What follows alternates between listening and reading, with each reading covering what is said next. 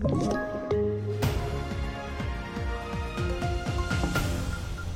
Det här är TV4-nyheterna. Regeringen med statsministern i spetsen håller nu pressträff om det säkerhetspolitiska läget i Sverige och hur svenska medborgare ska skyddas. Samtidigt har utrikesminister Tobias Billström nu på morgonen kommenterat fördömandet av Sverige och Danmark som 57 muslimska länder enades om igår kväll. Tobias Billström skriver till TV4-nyheterna att de muslimska länderna har enats om ett förslag som regeringen nu kommer att studera noga. Han skriver skriver också att det pågår en översyn av rättsläget, inklusive ordningslagen. Regeringens pressträff och eftersnack med analyser hittar du på tv4.se. Salvan Momika har återkallat alla sina tre ansökningar om allmänna sammankomster, rapporterar SVT och hänvisar till polisen. Redan på torsdag hade han planer på att bränna Koranen utanför Irans ambassad. Så sent som under måndagen brände Salvan Momika tillsammans med Salvan Nayem en koran utanför Sveriges riksdag.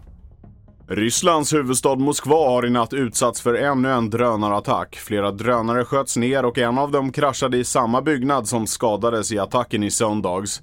Det finns inga rapporter om personskador. Ryssland skyller attacken på Ukraina som inte tagit på sig ansvaret.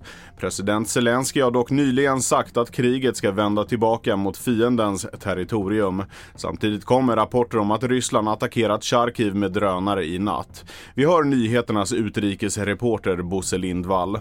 Jag tror att det är viktigt att, att, att Moskvaborna, som ändå är långt ifrån kriget, om att, att de får veta att det är allvar, att det är ett krig som pågår. Det är inte bara en militär operation. Och det är där det stora värdet tror jag ligger för Ukraina i den här attacken som nu genomförts. Under måndagen dog en man efter att han hade klämts fast under en bil på Körn. Mannen som var i 60-årsåldern meckade med bilen då släppte domkraften och bilen föll över honom. Polisen misstänker inget brott.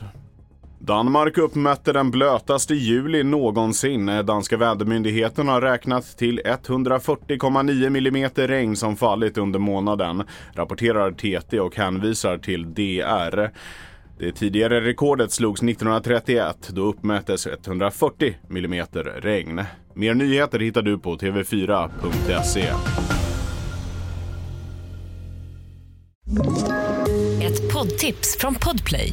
I fallen jag aldrig glömmer djupdyker Hasse Aro i arbetet bakom några av Sveriges mest uppseendeväckande brottsutredningar går vi in med hemlig telefonavlyssning och, och då upplever vi att vi får en total förändring av hans beteende. Vad är det som händer nu? Vem är det som läcker? Och så säger han att jag är kriminell, jag har varit kriminell i hela mitt liv men att mörda ett barn, där går min gräns. Nya säsongen av Fallen jag aldrig glömmer på Podplay.